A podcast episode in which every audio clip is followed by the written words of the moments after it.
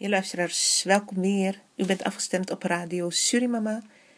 En voordat ik verder ga, wil ik even mededelen dat eh, wij zo meteen een mooi nummer gaan laten horen van de heer Paul Besman, een broer van mevrouw Corrie Besman. En die gaat een lied ten gehoor brengen als ode naar zijn dierbare moeder. Mevrouw Corrie, ik wil ook alsnog bedanken voor de heerlijke maïzena koekjes. Ze hebben heerlijk gesmaakt en namens Radio Surimama, dank je wel daarvoor. En nu gaan we naar het mooie nummer luisteren van de heer Paul Besman.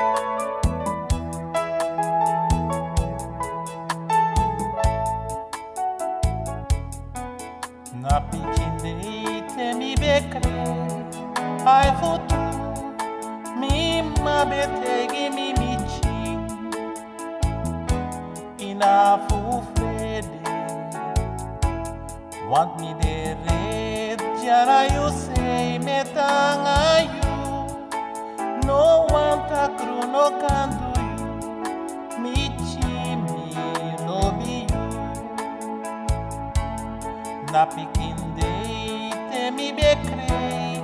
Ai futru mi ma betegi mi micin ina fu frede wan mi ne red jana yu sei metanga yu no wanta cruno candu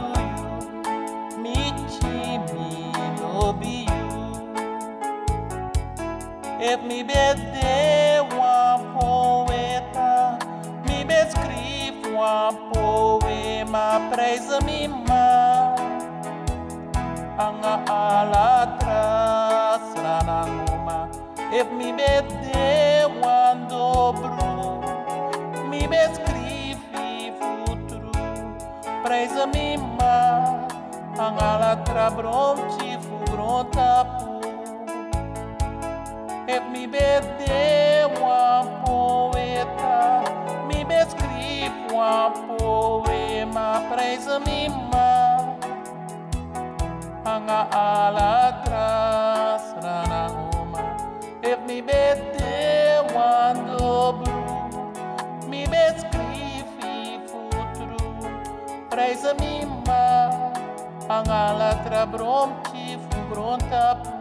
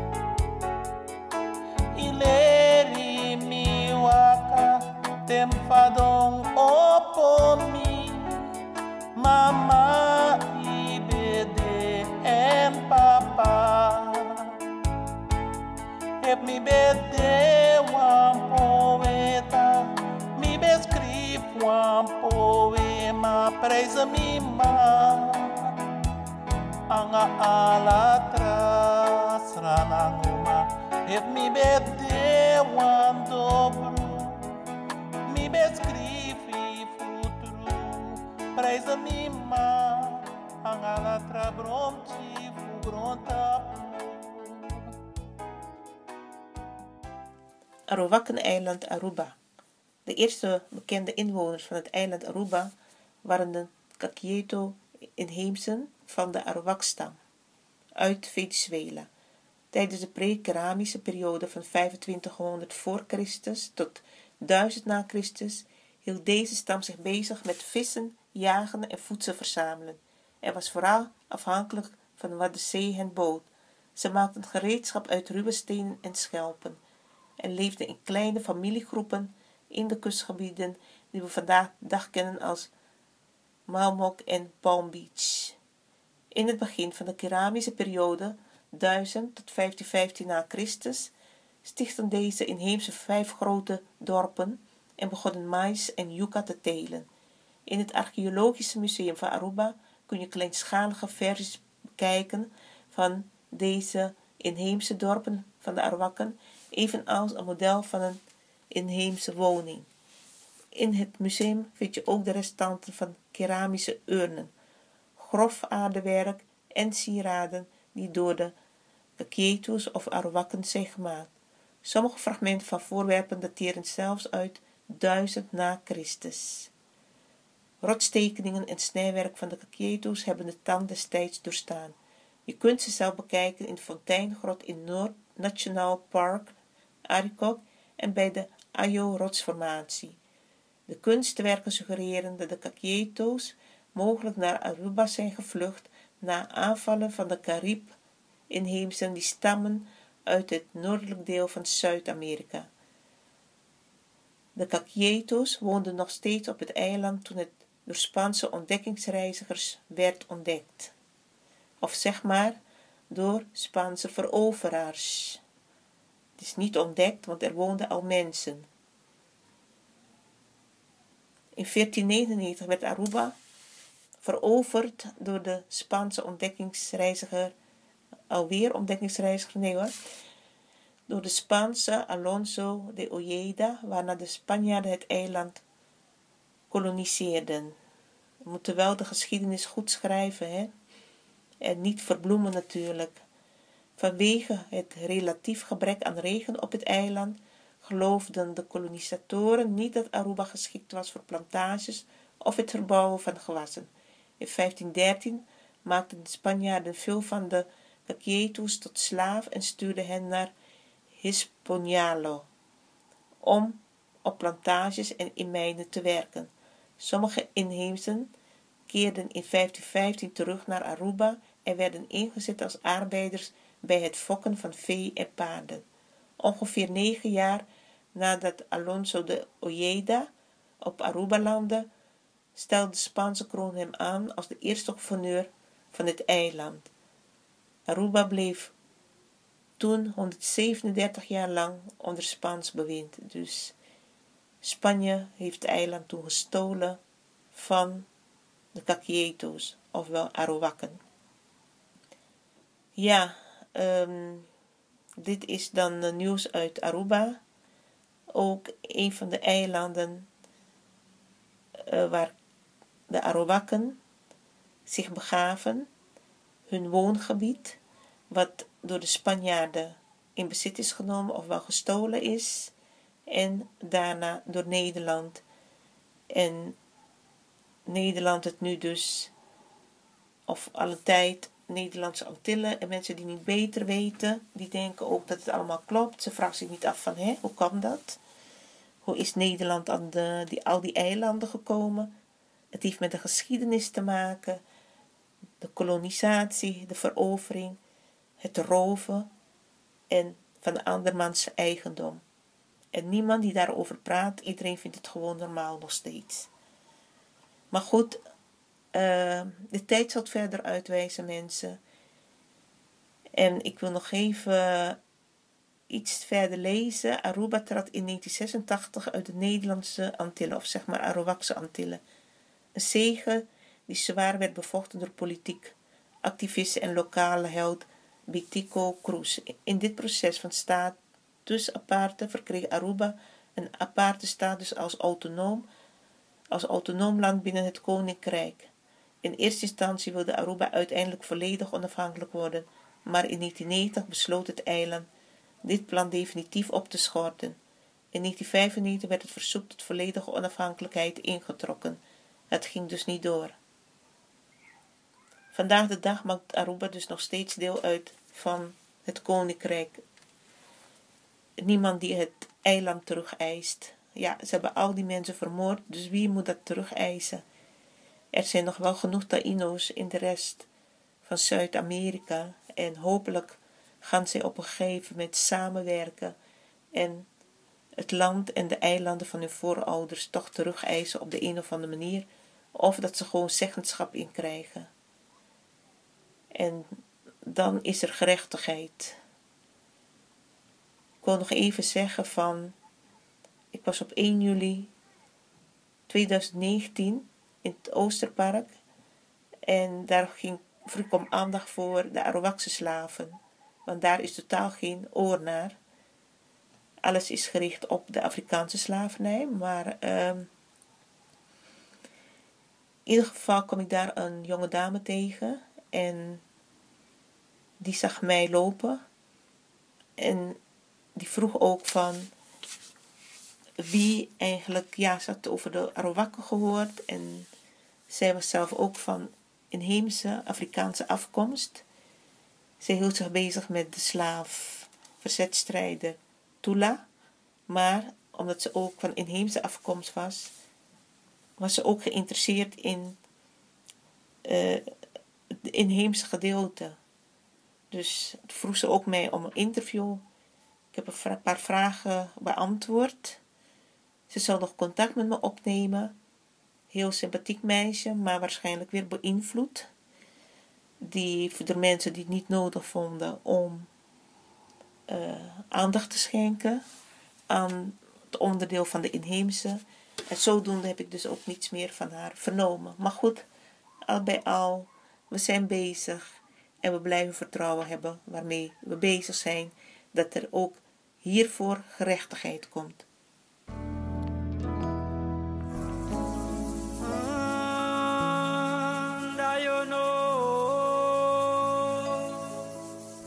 kajagoan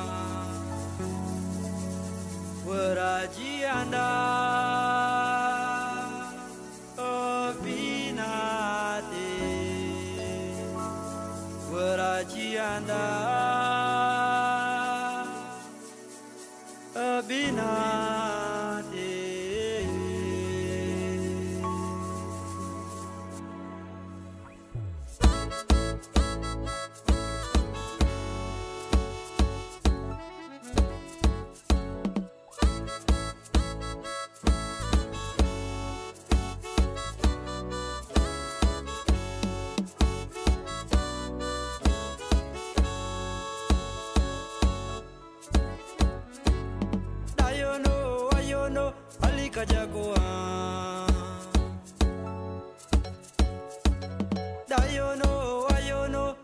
Chaka jako ha Bashi fa tokoro anate Shimita tokoro anate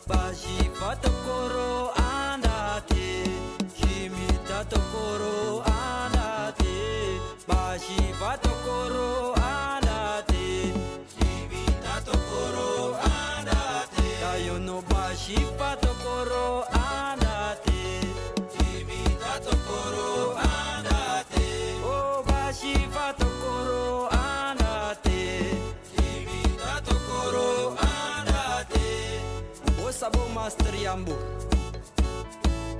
Takarishiro Mosalite de Nabo.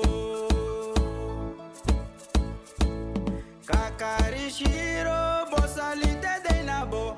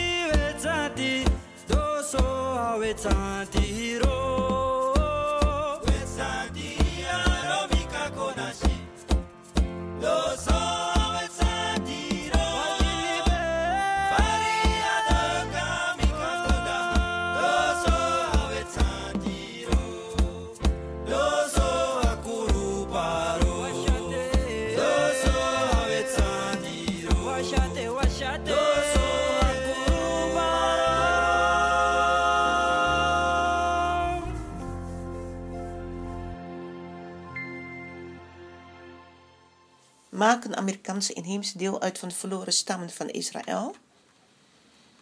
Bron messianews.nl Toen de Europeanen meer dan 4 à 500 jaar geleden voor het eerst in contact kwamen met de oorspronkelijke Amerikaanse inwoners, waren velen ervan overtuigd dat zij de verloren stammen van Israël hadden ontdekt.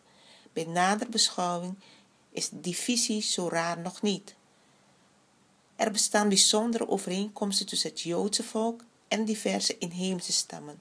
Zo zijn er onmiskenbare sporen te horen van het Joods gebed wanneer Cacique Amahura, ofwel Jozef Riverwind, het opperhoofd van de Amahura-inheemsen van de noordelijke Arawak-stam, zingt Shima Shima Nayena Popaskaya. Hij vertaalt dit oude inheemse lied voor Breaking Israel News met Luister, luister mensen zoals u samenkomen, zullen we dansen voor de maker.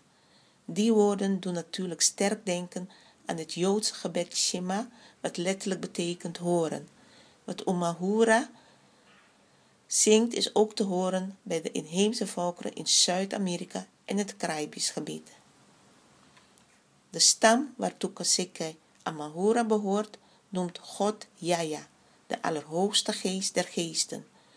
Volgens Kaseke is het zeer vergelijkbaar met de titel Heere Heere, de voorouders van mijn vrouw, de Anikituwaya, ofwel Cherokee, noemden God Jehovah, Ze droegen een ark in de strijd, vierden zeven, zeven feesten, rusten op de zevende dag, hadden vrijsteden en aten geen varkensvlees. Sommige oudheidkundigen geloven dat onder meer de Noord-Amerikaanse Cherokee-inheemsen inderdaad afstammelingen zijn van de stammen van Israël. De overeenkomsten lijken geen toeval te zijn, want Kasike Amahura vertelt ook het verhaal hoe de schepper een man genaamd Noah de opdracht gaf een vlot te bouwen om de mensheid te redden van een wereldwijde zondvloed. Ook vertelt hij van de tijd dat alle mensen tot één stam behoorden en een toren bouwden tot aan de hemel. Deze culturele verbinding tussen de inheemse van Amerika en de oude stammen van Israël gaat in, gaat in tegen de meest wetenschappelijke theorieën over de oorsprong van de inheemse.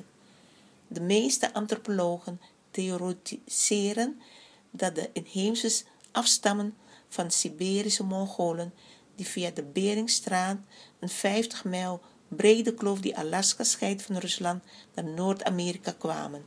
Volgens Kasike vertellen de inheemsen echter een heel ander verhaal.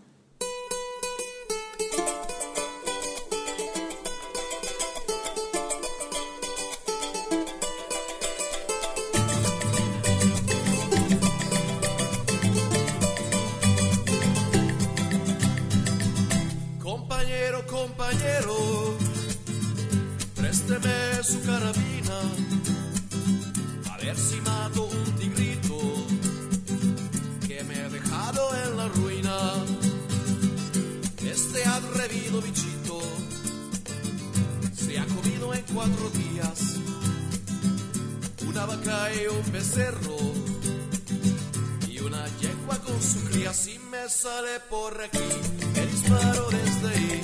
Si me sale por allá, me disparo desde acá. Si me sale por aquí, me disparo desde ahí. Si me sale por allá,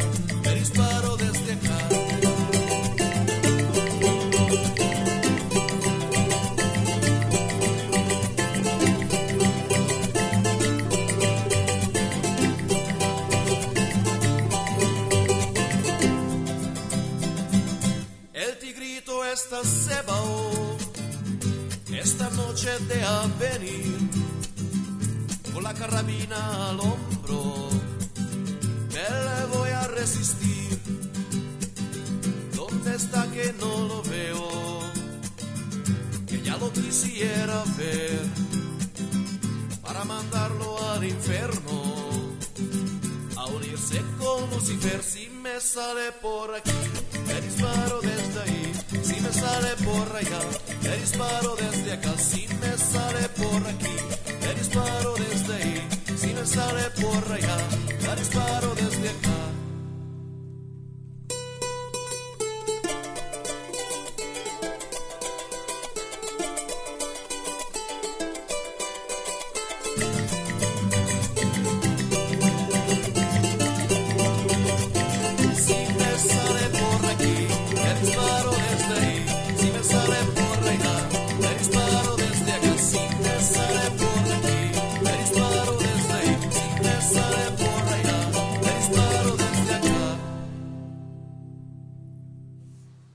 Geloven de Anishinaabe, ofwel Chippewa in die inheemsen, dat ze afkomst zijn uit de stam van Ephraim, ouders Chief Riverwind.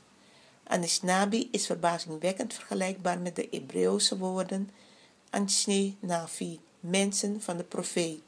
Ze wonen aan de kust en hun overleveringen vertellen en hun overlevering vertellen dat ze daar met schepen naartoe zijn gekomen over de grote wateren. Ze hebben grottekeningen van deze schepen en deze zijn zeer vergelijkbaar met tekeningen van Fenicische schepen in de geschiedenisboeken. De Quechua Maya's vertellen dat het land waar ze woonden, voordat ze naar Midden-Amerika kwamen, als een waar paradijs was, waar iedereen met elkaar in vrede leefde, totdat de god Hurakan boos werd en de aarde overstroomde. Men heeft vastgesteld dat er in de Quechua taal woorden bestaan die hetzelfde zijn als in het Oud-Hebreeuws. De toltekenen vertellen dat hun taal plotseling was verwaard en dat niemand elkaar meer kon verstaan. Daarna werden ze naar verschillende delen van de aarde vertrokken. Of daarna zijn ze naar verschillende delen van de aarde vertrokken. Het is bekend dat de taal de meest nauwkeurige gids is om verwantschap tussen verschillende volkeren na te gaan, zelfs wanneer zij landen bewonen die door oceanen en land van elkaar gescheiden zijn. Vele onderzoekers zijn het met elkaar eens dat er ooit in oorspronkelijke moedertaal over de aarde gesproken werd. Deze verklaring wordt overal waar taalonderzoek wordt gedaan bevestigd. In alle talen komen woorden voor of wortels van woorden die identiek zijn en in alle gevallen drukken ze in wezen dezelfde betekenis uit, waardoor de gemeenschappelijke oorsprong bewezen wordt. Ook archeologische artefacten die Noord-Amerika aan het oude Israël linken, zijn niet ongewoon, zoals de fonds van de tien geboden steen. In het hart van New Mexico, op de oever van de Rio Porcos, ten zuidwesten van de stad Albuquerque, ligt een mysterieuze steen van tussen de 80 en 100 ton, met daarop een inscriptie geschreven in Oud-Hebreeuws, ofwel Paleo-Hebreeuws, op de helling van een inactieve vulkaan in de buurt van Los Lunas. Paleo-Hebreeuws dateert volgens onderzoekers uit de 10e eeuw voor Christus. Deze vorm van Hebreeuws zou zijn gebruikt over een periode van ongeveer 1000 jaar en zou in ongebruik zijn geraakt rond 500 voor Christus.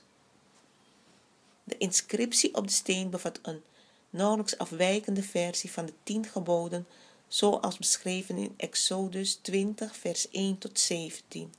De grote vraag die menigeen bezighoudt, hoe komt de steen op deze locatie terecht? Tot op heden weet niemand hoe lang de steen op deze plaats ligt en hoe die daar terecht is gekomen. De steen is afgelopen jaren door grote aantallen bijbelgeleerden en archeologen bezocht en zij allen hebben geconcludeerd dat de steen een echte en authentieke tien geboden steen is. De fonds bewijst dat dit gebied in een ver verleden bewoond of bezocht moet zijn geweest door lieden afkomstig uit het Midden-Oosten. Is het mogelijk dat de steen afkomstig is van een van de stammen van Israël die zich in dat gebied hebben gevestigd in een periode voor Christus waarin het Oud-Hebreeuws nog veel voorkomend was? Het hele gebied is bezaaid met stenen waarop afbeeldingen zijn getekend. Petroglyphen. Wat het allemaal nog mysterieuzer maakt, is dat een van deze petroglyphen beschikt over wat gelijkt op een hemelkaart uitgestrekt over een vlakke steen waarin vastgelegd de posities van de planeten en de zonnestelsels tijdens een zonsverduistering. Sommige onderzoekers hebben berekend aan de hand van astronomische gegevens dat de verduistering heeft plaatsgevonden op 15 september 107 voor Christus. Deze datum blijkt exact overeen te komen met het beroemde Basuinenfeest, ook wel bekend als Rosh Hashanah. Het Joodse nieuwjaar in 107 voor Christus. De onderzoekers zien de inscriptie als een duidelijk bewijs dat de Israëliërs uit de oudheid de nieuwe wereld al ver voor Columbus hebben ontdekt en bewoond in de eeuwen voor de huidige tijdstempel.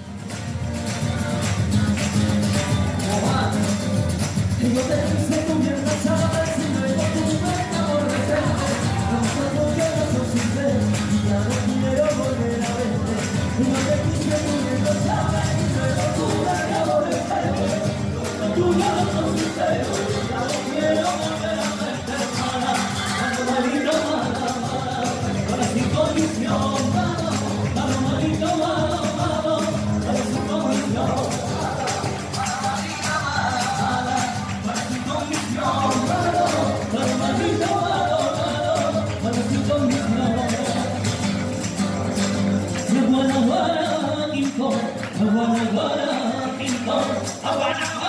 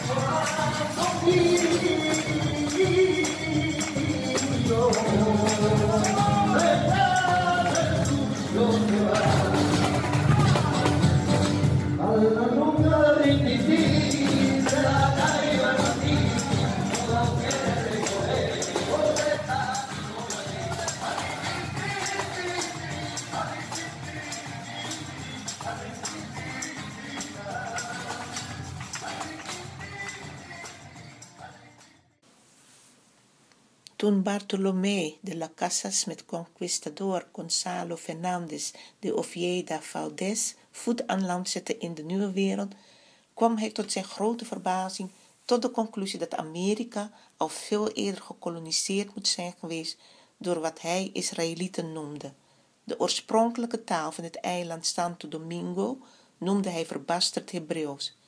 Priester Abigilile die leefde van 1721 tot 1789, ontdekte dat stammen van de Orinoco rivier bekend waren met het scheppingsverhaal over Adam en Eva.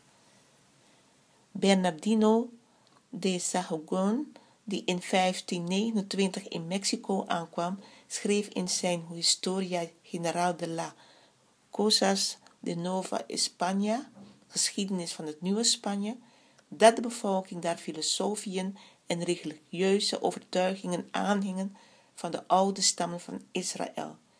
In het boek Hispania Victrix van Francisco López de Gomara, wat gaat over de vroegste veroveringen in Mexico en Zuid-Amerika, staat dat toen de Spanjaarden Peru ontdekten, de inwoners al een grote mate van beschaving hadden opgebouwd en verbaasd waren over de gelijkenis van de inheemse stammen met die van de oude stammen van Israël. Daarom geloven sommige onderzoekers dat de steen moet dateren uit de tijd van koning Salomo van 1014 BC tot 974 voor Christus. In een cluster van oude Indiase grafheuvels in de buurt van Newark, Ohio, zijn in het jaar 1860 artefacten ontdekt met bijbelversen in het Hebreeuws. Veel van deze artefacten worden echter gezien als vervalsingen omdat de hooggeleerde mandarijnen van de wetenschap het hoogst onwaarschijnlijk achten dat deze echt zijn. Men kan gewoon niet geloven dat er voor Columbus stammen van Israël in staat waren de grote overtocht naar de nieuwe wereld te maken. Maar de Hebreeuwse geleerde Cyrus Gordon van de Brandeis Universiteit bij Boston en anderen zeggen dat de steen wel degelijk authentiek is. Wij weten dat het Hebreeuws belangrijk was in die tijd van de America's Founding Fathers en dat er ook op andere plaatsen Paleo-Hebreeuwse inscripties zijn gevonden in Noord-Amerika, zegt hij. Wat de inheemsen ook gemeen hebben met de kinderen van Israël, is dat ze een messiaanse visie hebben. Zij geloven dat de schepper op het punt staat de aarde te zuiveren, aldus Chief Riverwind. Ook zegt hij dat alle stammen die zijn verspreid opnieuw vergaderd zullen worden, dus als het ware herenigd zullen worden. Ook bij de hopen inheemsen, die heden ten dagen nog leven in het zuidwesten van de Verenigde Staten, leeft een sterke messiaanse gedachte. Zij kijken uit naar de komst van hun Massau, ofwel Messias. De hoopie geloven dat het niet lang meer zal duren, eer hun verlosser zal komen, omdat zoals zij zeggen, alle tekenen daarop wijzen. Volgens hen is de komst aan de orde wanneer de wereld in volslagen disbalans en verwarring verkeert en de mensen niet meer volgens de wil en de instructies van hun schepper leven. Dus als het ware niet meer volgens de universele wetten leven. Wanneer zelfs de leiders van de mensheid in verwarring en bedriegelijk zullen zijn, maar wie volhardt tot het einde, die zal behouden worden. Nogmaals, de hoopie geloven dat het niet lang meer zal duren, eer hun verlosser zal komen, omdat, zoals zij zeggen, alle tekenen daarop wijzen. Volgens hen is de komst aan de orde wanneer de wereld in volslagen disbalans en verwaring verkeert en de mensen niet meer volgens de wil en de instructies van hun schepper zullen leven, wanneer zelfs de leiders van de mensheid in verwaring en bedrieglijk zullen zijn, maar wie volhardt tot het einde, die zal behouden worden. Niets van het gebeuren om ons heen is een verrassing voor de Hopi. Ook spreken de Hopi van zware aardbevingen die het einde van de huidige wereldcyclus zullen markeren. De Hopi geloven dat zij die de weg der gehoorzaamheid aan de wetten van de schepper zijn blijven volgen, niet om zullen komen in de grote zuivering die in aantocht is. Doch zullen zij behouden worden en samen met Masau in een nieuwe wereld wonen.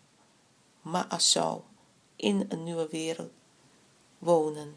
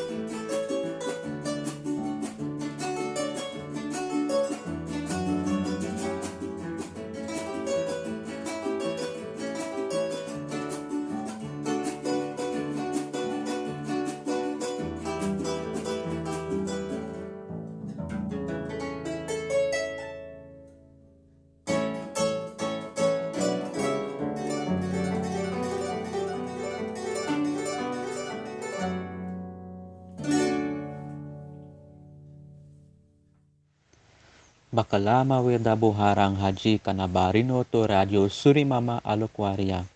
Halika jako hati si banashi Nederland, dami katabo haba werebeto ejahe haji suri anya owaria. Wakaya mago kono basabon to bukoto to radio Surimama dawo. Isanowe. Thank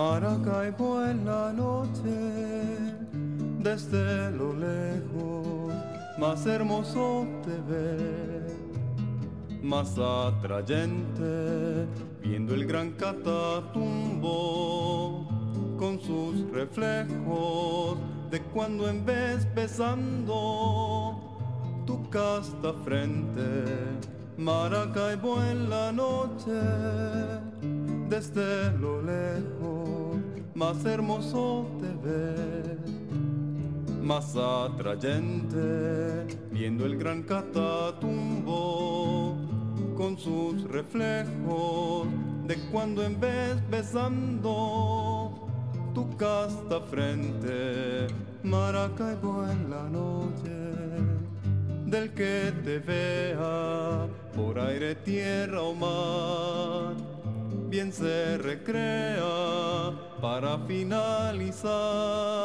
Repito estas palabras, el Zulia por la noche relampaguea, el Zulia por la noche relampaguea.